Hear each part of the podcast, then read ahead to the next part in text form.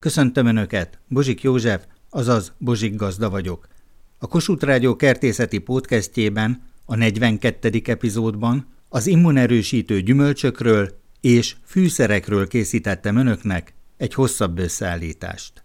Van egy ismerősöm, aki fogyaszt egy bizonyos olyan nevű gyümölcsnek a levét, aminek az a neve, hogy mangosztán. És én kérdeztem tőle, hogy ez azonos-e a mangóval, vagy nem azonos. Ez volna az egyik kérdésem. Tudom, hogy a Exotikus Gyümölcsök című könyvet tetszik majd ajánlani, ami nekem sajnos nincs meg, ha utána tetszene nézni utána néztem. Kedves hallgatóknak teljesen igaza van, hiszen Szabó Lajos és Velich István tanár urak könyveiből sok érdekességet megtanulhatunk. Mangosztán és mangó rokonok-e? A mangosztán csak hangtanilag hasonlít a mangóra. Két teljesen eltérő trópusi gyümölcsről van szó. A mangóval egyre többször találkozhatunk a piacokon és az áruházakban, mert több hullámban forgalmazzák. Brazília például híres mangótermesztő ország, ugyanakkor a mangosztán Dél-Kelet-Ázsiában honos és a trópusi síkságok igényes fája, magról vagy dugványal szaporítják, rendszerint 15 éves kortól kezdve fordulnak termőre a fák, és kedvező körülmények között évente akár két-háromszor is termést hozhatnak. Amikor a gyümölcsökön a bíbor barna szín megjelenik, akkor a terméseket kézzel szedik, de csak mindegy tíz napig tárolhatóak. Ez a magyarázat, hogy nálunk elsősorban nem a friss gyümölcsel találkozunk, hanem az ivólével, úgy, ahogy kedves hallgatónk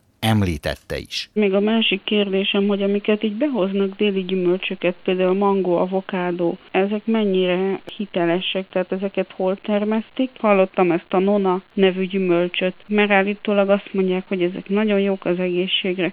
Marakuja is az például milyen gyümölcs, és hogy ezek hol szerezhetők be. Ha tudna erre válaszolni, megköszönöm vissza. A marakuja nem más, mint a passió gyümölcs, vagyis a gyümölcsöt hozó Golgota virág. Amerika trópusi vidékei nőshonos Brazília őserdeiben nem ritkák a 80 métert meghaladó példányai sem sokfelé termesztik. Dél-Amerika, Ausztrália, Ceylon, Hawaii, Dél- és Közép-Afrika, Új-Zéland, Új-Guinea, Fidzsi-szigetek, India, Indonézia. Évente ezekből az országokból hatalmas mennyiségeket szállítanak a világ legkülönbözőbb vidékeire, így jut el ez a gyümölcs hozzánk is. A marakuja virágok kétivarúak és öntermékenyülők, színük zöldes-fehér, termései 5-6 cm-esek, sok magvú bogyók, a magokat húsos réteg veszi körül, ez a termés ehető része. Rendkívül finom, fűszeres, zamatos gyümölcs, a legtöbb trópusi multivitaminos ivólé ízét alapvetően a marakuja határozza meg, de nagyon sok jégkrémben is szerepel ez az íz, hiszen tényleg incsiklandozó. Kedves hallgatónk úgy nevezte meg az egyik növényt, hogy nona, de ez igazából nem nona, hanem noni. Elsősorban a nonival is, mint ivólével találkozhatunk, ha bár egyik kedves ismerősömnek saját noni növénye is van, amely idén termést is hozott, mint szobai dísznövényt. Úgy neveli, valamennyi felsorolt növény a trópusokon ősonos, tehát nehéz feladvány, ha otthoni körülmények között ilyen növényeket akarunk felnevelni. Csak a vége felé hallottam a homoktövisről valami nagyon jó dolgokat, hogy aki sugárterápiát kap, hogyha azt eszi vagy issza, nem tudom milyen formában, mert az elejét nem hallottam. Ha megismételni, vagy valamilyen módon választ kaphatnák. Karádi Péterrel találkoztam, aki híres homoktövis termesztő, és őtőle kaptam ezt ajándékba. Elmondta a mester, hogy miért is jó ez. Szinte minden része felhasználható ennek a növénynek, többek között a levele is, kiváló kitűnő a készíthető belőle. Én magam is szoktam találni áruházak polcain, talán egy kicsit méltatlanul elfeledve. Egy fantasztikus ízű, fantasztikus hatású tea készíthető belőle. De nem a levél az ászokásza. Termésen belül is van leve, van magja és van héja. Ez a három rész egészen jól elkülöníthető egymástól megfelelő berendezéssel, és ezek külön-külön is rendkívül nagy értéket képviselnek. A magolaj, nehéz kinyerni a magolajat? Megfelelő berendezéssel nem nehéz, vannak erre üzemek Magyarországon is, ahol ezt remekül ki lehet nyerni belőle. Nem egy olcsó eljárás, maga a magolaj sem egy olcsó termék, viszont fantasztikus hatással rendelkezik. Sebek gyógyítására, fekélyek kezelésére? Sebek gyógyítására, égésű sebek gyógyítására, egyfajta vitalizáló, regeneráló készítmény növényként kitűnően alkalmazható bőrbetegségek esetében rendkívül sok olyan híradást kapok én is, emberekkel beszélgetve a mindennapi életből, hogy bizony fekélyeket, pikkelysömör, bőrbetegségeket nagyon-nagyon-nagyon jól karban lehet vele tartani, el lehet tüntetni. És aztán ott van a gyümölcslé, mert nagyon sokszor találkozhatunk ivólé formában is a homoktövissel, C-vitamin bomba, például, hogyha olyan betegségünk van, hogy sugárkezelést kapunk, akkor regenerálja a szervezetünket, ezt még a szovjetek is alkalmazták, akár az űrhajósokra is gondolhatunk. Igen, sugárkezelések alkalmával is, akár kemoterápiánál alkalmazva is, azzal párhuzamosan nagyon-nagyon jól regenerálja a szervezetet annak a stressz hatásnak, sok hatásnak, ami éri. Gyümölcshús? Igen, a gyümölcshúsból is lehet olajat készíteni, illetve a gyümölcshúst, a törköly részét megszárítva. Mint egy aszalvány, igen, úgy kell elképzelni, de ezt még talán le is darálják csinálják, és akkor így joghurtba keverve, műzlikbe keverve remekül felhasználható. A benne lévő érték is óriási kincs, nem szabad elmenni mellette. Likört készítenek belőle, ami nagyon finom, nagyon jó ízű, ahhoz már volt szerencsém, és bizony már pálinkát is készítettek homoktövisből, ami valószínűleg nem lehetett egy egyszerű mutatvány, mert cukortartalma az nem nagyon van a növénynek. Ennek ellenére én már ittam homoktövis pálinkát is, és nagyon finom, nagyon kellemes aromájú, illatú pálinkát lehet belőle készíteni. De hogy említette a likört, az tényleg ugye egy kivonatolás révén is létrejöhet. És... Németországban kóstoltam likört, ami bár kicsit érdekesen nézett ki, a homoktőisnek van egy olyan tulajdonsága, hogy mivel a víz és az olajtartalom egyszerre képviselteti magát benne, ez így elválik, külön válik, talán legjobban a paradicsomot, amikor eltesszük, ahhoz tudnám hasonlítani, hogy külön válik ott is a víz, és külön válik benne az a sűrűbb része. Most ez a homoktövisnél is így van, és kicsit bizarrul nézett ki ez a likőr is, talán nem véletlenül ültették zöld színű üvegbe. Használat előtt fölrázandó. Így van, ezt a szószoros értelmében használat előtt fölrázandó, de az íze a külalakjától eltekintve nagyon-nagyon jó ízű volt. Németül hogy mondják, hogy homoktövis? Németül Zandornak mondják a homoktövist, Zand a homok és Dorn a tüske vagy tövis. Emellett még olaszul például nagyon szépen csengő neve van, Olivello Spinoza olaszul, franciául Larguizé, oroszul Oblepichának hívják. Érdekesen néz ki leírva. Vitamin sorozatunkban anya és lánya, Diószegi Gitta és lánya Mónika. Azt hiszem, hogy nagyon sok jó tanácsot adhatunk kedves hallgatóinknak, hiszen sokszoros édesanyák is, mind a ketten egy személyben, hogy hogyan védjék az édesanyák az egészségüket, amikor áldott állapotban vannak, amikor egy kis magzat növekszik a szívük alatt grapefruit kapcsolatban egy meglepő és talán tanulságos érdekes történetem van. Amikor kiderült, hogy a harmadik kislányommal vagyok várandós, akkor a várandóság első idejében én nem tudom milyen megmagyarázhatatlan okokból kifolyólag nagyon kívántam ezt a kesernyi és citrus grapefruitot. Nem tudtam megmondani, hogy miért, de meg tudtam volna bolondulni, ha egy nap egy egész gömb adag gyümölcshez nem jutok hozzá, és minden reggel követeltem hol a páromon keresztül,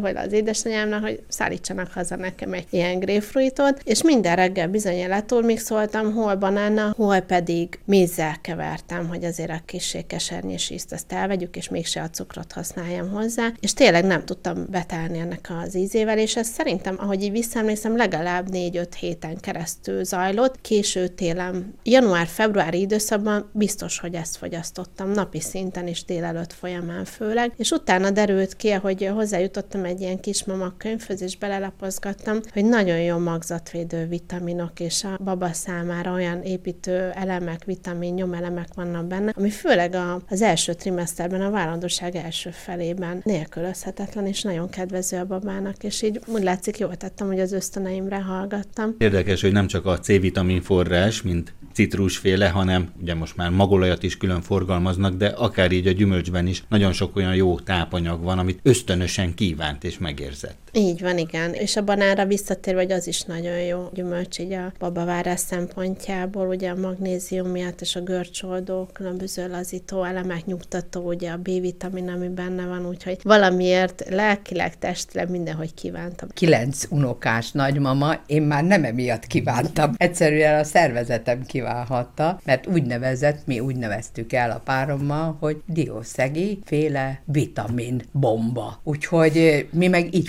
fogyasztottuk, és ez nagyon jó volt. Kellemes volt, megalapozta az aznapi jó közérzetet, úgyhogy én ajánlom ezt az idősebb korosztálynak is. Tehát itt van előttünk ez a vitaminbomba, amit Gitta elkészített. Egy rész banán, egy rész grapefruit, azért a grapefruitnak a kesernyés rekeszeit zömében eltávolította, összeturmixolta is, itt van előttünk, hogy ezt rendszeresen lehet fogyasztani. Ugyanis ez az öt aprósága két és fél évestől a 11 évesig állandóan körülvesz, és hol itt alszanak, hol nem alszanak itt nálam, és amikor itt alszanak, bizony minden reggel megkapják. És utána fölkelnek, és ütemesen készülnek. Ki a bölcsődébe, ki az óvodába, ki az iskolába. Azt olvastam a banánról, hogy ha valaki mondjuk olyan helyre kerülne, hogy semmi más étele nem volna, csak banán tud enni, akár hónapokon keresztül, akkor sem lenne semmilyen hiánybetegsége. Igaz-e ez? Kérdezem Lovas Katalintól, kertész kollégámtól, aki egyúttal szakíró is. A banán hihetetlenül tápláló. Ugyanis most itt állunk a tűzhely előtt, és már megpucolt négy szem banánt, és a vaj pedig ott pirul egy szép kis serpenyőben.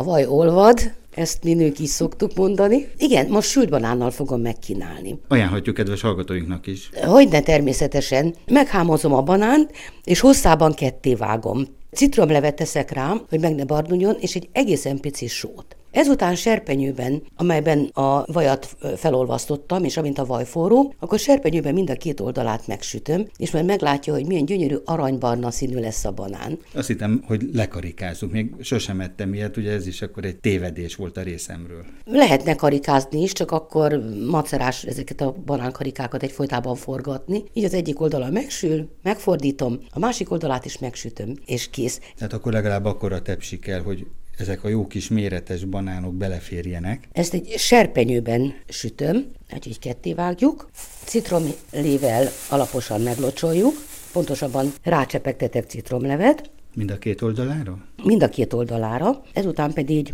egészen kevés sót. Ez érdekes, mert de... ugye a banán az inkább olyan édeskés, tehát hogy a sót azt nem gondoltam volna. Igen, de épp csak egy keveset, mint amennyit mondjuk egy vajas kenyére szoktunk tenni, vagy még annál is kevesebbet ídni. És most megvárjuk, hogy a vaj megolvadjon, és kisütjük. Akkor hogy is kell szakszerűen mondani, hogy most a vaj milyen állapotban van? A vaj most felolvadt és forró. Most tesszük bele a banánszeleteket óvatosan, és vigyázunk, hogy le ne fröcsköljön bennünket. Hm, ilyen finom illata van már elsőre is. Tényleg ez a citrom a banánnal, ahogy ötvöződik, és a vajjal. Nem kell sokáig sütni, úgy talán egy percig. Egyik oldal, másik oldal. Utána a másik oldalát, és már szedjük is ki egy tálra. Először egy tálat. Na nézzük, hogy megpirult-e. Aranybarnára sütjük, és a banánban lévő cukor karamellizálódik, és ez adja neki ezt az aranybarna színt. Olyan lesz, mint egy karamellkrém, mint egy banános karamellkrém.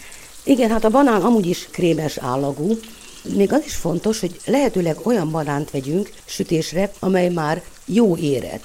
Nem baj, hogyha a külső héja már barnul, akkor igazán jó a banán, amikor ilyen, ilyen túlérett. Tehát akkor ez már jó, hogy megfordítottad?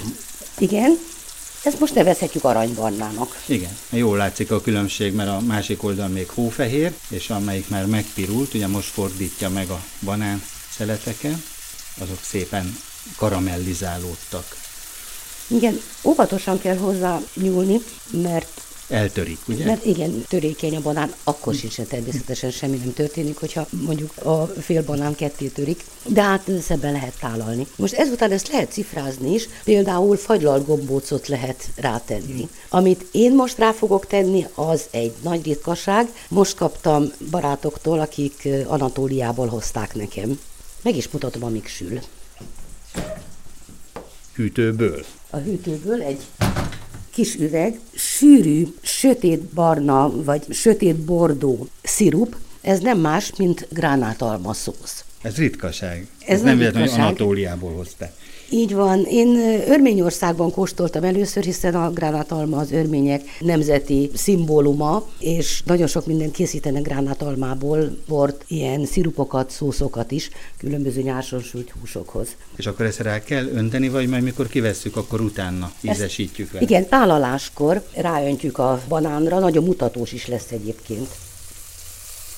Nagyon szép látványnak is, és hát különleges ez a gránát alma szósz, ami tényleg egész ilyen sötét, mint mondjuk egy szilvalekvár. Már is színre arra emlékeztet. Igen, hát a gránátalma leve az ilyen rubinpiros és ez be van sűrítve, ezért ez inkább ilyen nagyon sötét megy színű, vagy majdnem fekete. Tehát itt kell lenni mellette, figyelni kell, ugye mert nagyon hamar kész. Igen, hát mondjuk nekiálltam talán öt perccel ezelőtt, de közben beszélgettem is, egy fél perc múlva már tálalom is. Egyébként nagyon sok mindennel lehet díszíteni, mit tudom, mentalevéllel, lime karikákkal, az is nagyon mutatós. Annyi sok szépet hallottunk már a batátáról, de sajnos még mindig keveset. Hol lehet ezt beszerezni, és mire lehet jól felhasználni? Hasonlít a krumplira, a hajnalkának rokona, például a szuláknak, de a hajnalkának is, tehát a szulák és a hajnalka is testvérek, csak az egyik dísznövény, a másik gyomnövény. De drágább, mint a gyömbér. Piacon vettük, itt Budapesten az egyik piacon, de lehet kapni nagy áruházakban is, és nagyon érdekes volt megtiszteltetés, amikor egy doktornő is üzenetet hagyott. Dr. Dinnyis Ilona vagyok Szentesről, itt vagyok orvos, férjem is úgy szintén cukorbetegekkel foglalkozik a férjem, diabetológus, ismerem a növényt, használom is, de a szénhidrát tartalmát, hogy 100 g mennyi van, szeretném hivatalosan, ha valahonnan megtudhatnám. Utána néztem, és egy komoly agrár havilapban megtaláltam 20,12 g szénhidrát van 10 deka, vagyis ugye 100 g batátában, vagyis trópusi édesburgonyában. És van egy kedves ismerősöm, aki vegyészmérnök, és kapcsolatom az Egyesült Államokkal. Nagyon érdekes, hogy ott a batáta, a trópusi édesburgonya, mivel nagyon jó kereskedelem van az Egyesült Államok és Latin Amerika között, tehát ott abszolút minden tűt. Tehát amikor a kismamák elválasztják a kisbabát, akkor a batátát használják. Például A-vitaminban hihetetlenül gazdag, illetve az A-vitamin elővegyületében. C-vitamin is van benne, de ugye azt tudjuk hőhatására elbomlik. Magnézium tartalma jelentős, aztán a B-vitaminok B6, B5, B3, a mikroelemek közül a rezet jelentős mennyiségben tartalmazza, és kalóriája viszont elenyésző. És nagyon érdekes volt, hogy ez a magyar szaklap, az pedig pont a csicsókával vetette össze. Például a csicsóka olyan szempontból jobb cukorbetegség szempontjából, mint ahogy a doktornő is kérdezte, hogy abban inulin a szénhidrát, és az inulinhoz nem kell inzulin, hogy lebontsa. Batátának kiemelik azt, hogy valahogy stabilizálja a vércukor szintet, tehát nem durván lök egyet rajta, hanem szépen fölemel, és aztán szinten tartja. Héjában is sütik, van, aki úgy szereti, és meg is lehet főzni. Tulajdonképpen a sütőtökre emlékeztet, tehát a krumplit nem lehet vele kiváltani, tehát egészen más az ízvilága. Tehát krumplinak látszó, ám sütőtök ízhatású növényről van szó. És vannak, akik azt mondják, hogy salátának is lehet alkalmazni a friss hajtásait. Lovas Katalin konyhájában lehetek, és trópusi batátát készít. Most éppen sikája. Hát itt a Szentendrei szigeten, Pócs megyer Surányban élek, és a fiacskám, aki Amerikában kertész, a Magyaródi úton végzett valamikor nagyon régen, hozott nekem néhány répahoz hasonlóan orsó alakú, mondván édesburgony. El is ültettem, először cserébe, aztán ki a szabad ég alá egy dísz változat, aminek lila levele van olyanokat is. Nagyon szépen élnek és virulnak, de valaki azt mondta, nem ez az édes burgonya, hanem az olyan, mint egy nagy krumpli, vajon én batátát termelek? Mert ezzel dicsekszem a lengyel rokonságnak, és szájtátva nézik. Hosszúra nőttek, ilyen sárgaripa méretű és vastagságúak ezek a batáták. Ez magyar földön termet? Ez fóton termet az unokatestvérem kertjében, egészen vékonyan meghámozom.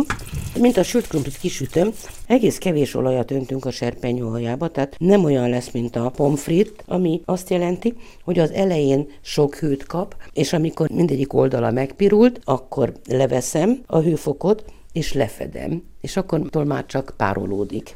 Ahogy említette, hogy fóton termesztik, mikor kezdik az ültetést? Mert ugye ez egy trópusi növény, és mondjuk az én gondolatomban úgy lenne, hogy szervác, pongrác, bonifác, az még kár tehet benne. Ez bennevelték egy üvegházban, és csak a fagyos szentek után ültették ki. Tehát palánta neveléssel kezdi? Így van, először palántát neveltek belőle, 3-4 mm vastagra vágom őket, és most rádobom, igen, most már szépen gyöngyözik a, az olaj, és itt szépen más istereg is. Ugyanolyan aranybarnára lehet megsütni, mint a, a sült krumplit. Már az látszik, hogy az jó, igen, így igen, igen, kezd az aranybarna szín kialakulni. Egyik oldal, másik oldal. Egyenként megfordítom. Mm, de gyönyörű. Nagyon Kaphatom. finom az illata is. Bizony. Már kész is van. Most akár csak a sült krumplit vagy a rántott húst szalvétára tesszük, tehát a tányérra egy szalvétát teszünk, mert ez beissza az olajat, és most először megkóstoljuk sótlanul, és utána ízlés szerint sózzuk. Nagyon finom lett. Egész ilyen sült gesztenye hatású trópusi burgonyából, batátából pillanatok alatt ilyen finomságot lehet készíteni. Hogyha burgonyapürét csinálok, akkor egyharmad batátát, kétharmad burgonyát főzök meg rendesen, és aztán utána pürét készítek belőle. Angliában, vagyis a ködös Albionban a nedves, párás, csontig hatoló hideg ellen védelmet kereső emberek forró, fűszeres italokkal védik magukat. A grog az egyik ilyen fontos angol ital ebből a szempontból. A grog nem más, mint cukrozott fűszeres szeszes ital, mondhatni, hogy egy speciális rumos teáról van szó. Egyébként az angol tea lehet olyan sűrű is, mint nálunk a fekete kávé, de előfordulhat az is, hogy éppen csak megmártóztatják a teát egy pici színezésre. Hallgassunk meg egyet a lehetséges receptek sokasága közül Csizmadia Emőke üzenete alapján. Hozzávalók 1 deci rum, 6 deci víz, egy teja, 2 evőkanál méz, egy rút fahéj, egy citrom, esetleg egy narancs. A fahéj mellé lehet még hozzátenni szekfűszeget, szekfűborsót, kis szerecsendiót, egy kevés gyömbért. A vizet felforraljuk a fahéjrúddal, majd levesszük a tűzről. Fél perce belemártjuk a teafilter, de csak éppen annyira, hogy beszínezze a vizet. A megmosott citromhéját zöldséghámozóval levágjuk és beledobáljuk a tejába, majd mehet bele a fél citrom leve és az egy egész narancs leve is. Utána még a méz és a rom. Ezt az egészet jól összekeverjük, leszűrjük, és még forrón azonnal lehet fogyasztani. A grog mellett a másik jelentős angol fűszeres ital a puncs. Nos, a puncs nagy változásokat élt meg az elmúlt évszázadokban, eredetileg cukorból, citromléből, rumból és teafűből készült forró ital volt, amelyet Füles pohárban szolgáltak fel, csak úgy, mint a glöggöt a svédek. Ma már az a szó, hogy puncs számtalan édességben szerepel, hiszen a puncs tortától elkezdve a puncs fagyinát a különböző hideg és forró italokban egyaránt találkozunk ezzel. Az egyik mixer tréfásan meg is jegyezte, hogy ezekben a puncsokban ma már csak egyetlen közös elem található, méghozzá a hozzáadott cukor. Barát Miklós Angliában hallotta ezt a tréfát, és elmondja azt is, hogy ő milyen italokat kóstolt a Szigetországban. A brit italok azok speciálisak, kellemesek, zamatosak. Hisz a rum az cukornádból készül, és elterjedt a tengerészek körében is. Nyugodtan tehettek a vízbe is, ugye fertőtlenítő hatása is megvolt. Mind a fahéj, mind a szegfűszeg örökzöld növény, trópusi klímát kedvel, szegfűszegre, fahéjra nem gondolt, hogy fahéjfát neveljen, vagy szegfűszegfát. Arra nem soha nem gondoltam rá. Nincs is rá lehetőségem, de nincs is ilyen ambícióm. Én kiéltem magam a gépészetbe, hogy mellette ilyen dísznövény hobbim van, a kettő nem üti egymást szerintem. Az angol forró italok jellegzetes alkotó elemei tehát a fahéj és a szegfűszeg. A fahéj növény, vagyis a fahéjfa a babérfélék családjába tartozó örökzöld növény. A valódi fahéjfa Dél-Kelet-Ázsiában őshonos. A fűszert a fiatal ágak lehántott kérgéből nyerik, méghozzá úgy, hogy a parakérektől megtisztítják. A valódi fahéj ismertető jele, hogy egy milliméternél vékonyabb. A fahéjat a gyógyászatban is felhasználják. Emésztés serkentő, étvágyjavító, gyomorerősítő hatását régóta ismerik. A növényvilágban a legismertebb fahéjféleségek közé tartozik a fahéjfa, más szóval a cejloni fahéj, a kínai fahéjat gyakran kassziának is mondják, de létezik jávai fahéj és vietnámi fahéj is. A fahéjfát azonban nehéz felnevelni, mert trópusi meleget és magas páratartalmat igényel. Magvetéssel szaporítható, csemetéit, illetve magvait számos országból beszerezhetjük, így például Angliából is. Az angol fűszeres italok másik alapvető alkotó eleme a szegfűszeg, amely a mirtuszfélék családjába tartozó trópusi növény. Az indonéz szigetvilágban a Maluku szigeteken találjuk a szegfűszeg őshazáját. A szegfűszeg fa örökzöld, és akár 20 méter magasra is megnő. Vízigényes és melegigényes növény, a szegfűszeg fűszert a pirosló virág virág bimbójából készítik, egyszerűen úgy, hogy megszárítják. A szegfűszeg növény magról szaporítható, de a kis magoncoknak legalább egy évtized kell ahhoz, hogy virágokat hozzanak. A szegfűszeget a régi népi gyógyászatban is felhasználták, például a fogfájás csillapítására. A modern fogorvostudomány is alkalmazza, mert bizonyítottan antiszeptikus, tehát fertőtlenítő hatású. A felső légúti betegségek ellen is hatásos, és a megküléses betegségek ellen is jótékony, tehát a mostani influenza terhes időben is, mint védőital is fogyaszthatjuk a különböző szegfűszeggel ízesített teákat. Nem véletlen tehát, hogy a németek, a svédek és az angolok is egyaránt használják a szegfűszeget a téli fűszeres italokban.